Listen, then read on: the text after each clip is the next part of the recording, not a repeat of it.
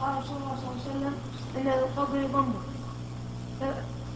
فلو فمن نجا منها لو نجا منها أحد لنجا منها سعد بن معاذ.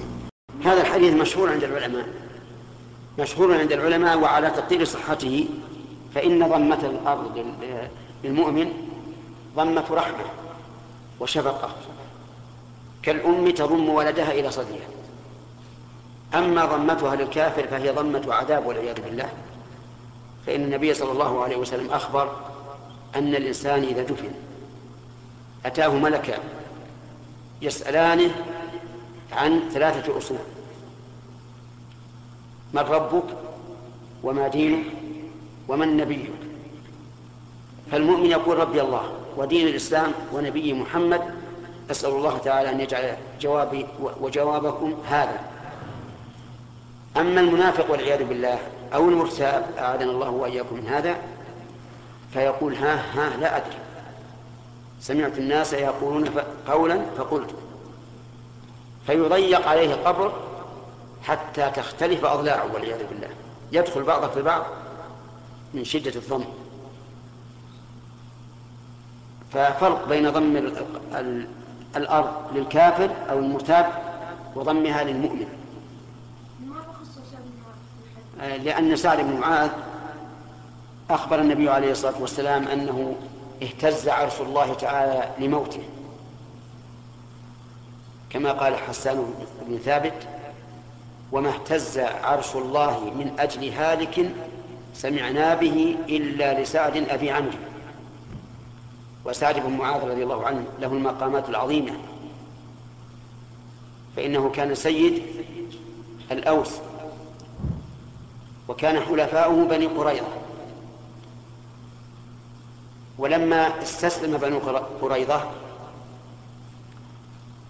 على أن ينزلوا على حكم سعد بن معاذ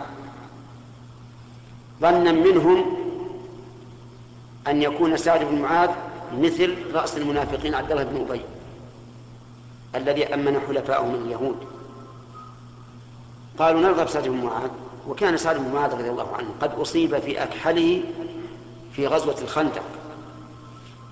فضرب له النبي صلى الله عليه وسلم خيمة في المسجد ليعوده من قريب لأنه آه، غال عند النبي عليه الصلاة والسلام.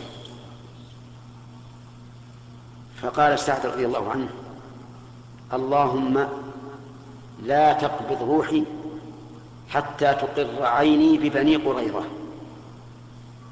رضي الله عنه. فلما رضوا بحكمه عن اليهود أرسل النبي عليه الصلاة والسلام إليه وجيء به من المسجد النبوي على حمار. ولما أقبل قال النبي صلى الله عليه وسلم للصحابة قوموا إلى سيدكم. فقاموا إليه وأنزلوه من الحمار ثم جلس للمحاكمة. لما جلس والنبي عليه الصلاة والسلام والصحابة على يمينه وقريضة عن يساره قال حكم نافذ على هؤلاء؟ يشير إلى بني قريظة قالوا نعم حكمك نافذ. فقال وعلى هؤلاء ويشير وهو قد غض بصره احتراما للرسول صلى الله عليه وسلم. قالوا نعم. فقال أحكم. بأن تقتل مقاتلتهم وتغنم أموالهم وتسبى ذريتهم. حكم صارم مع أنهم هم إيش؟ حلفاء لكنه حكم بما يرضي الله عز وجل. فقال النبي صلى الله عليه وعلى آله وسلم لقد حكمت فيهم بحكم الله من فوق سبع سماوات.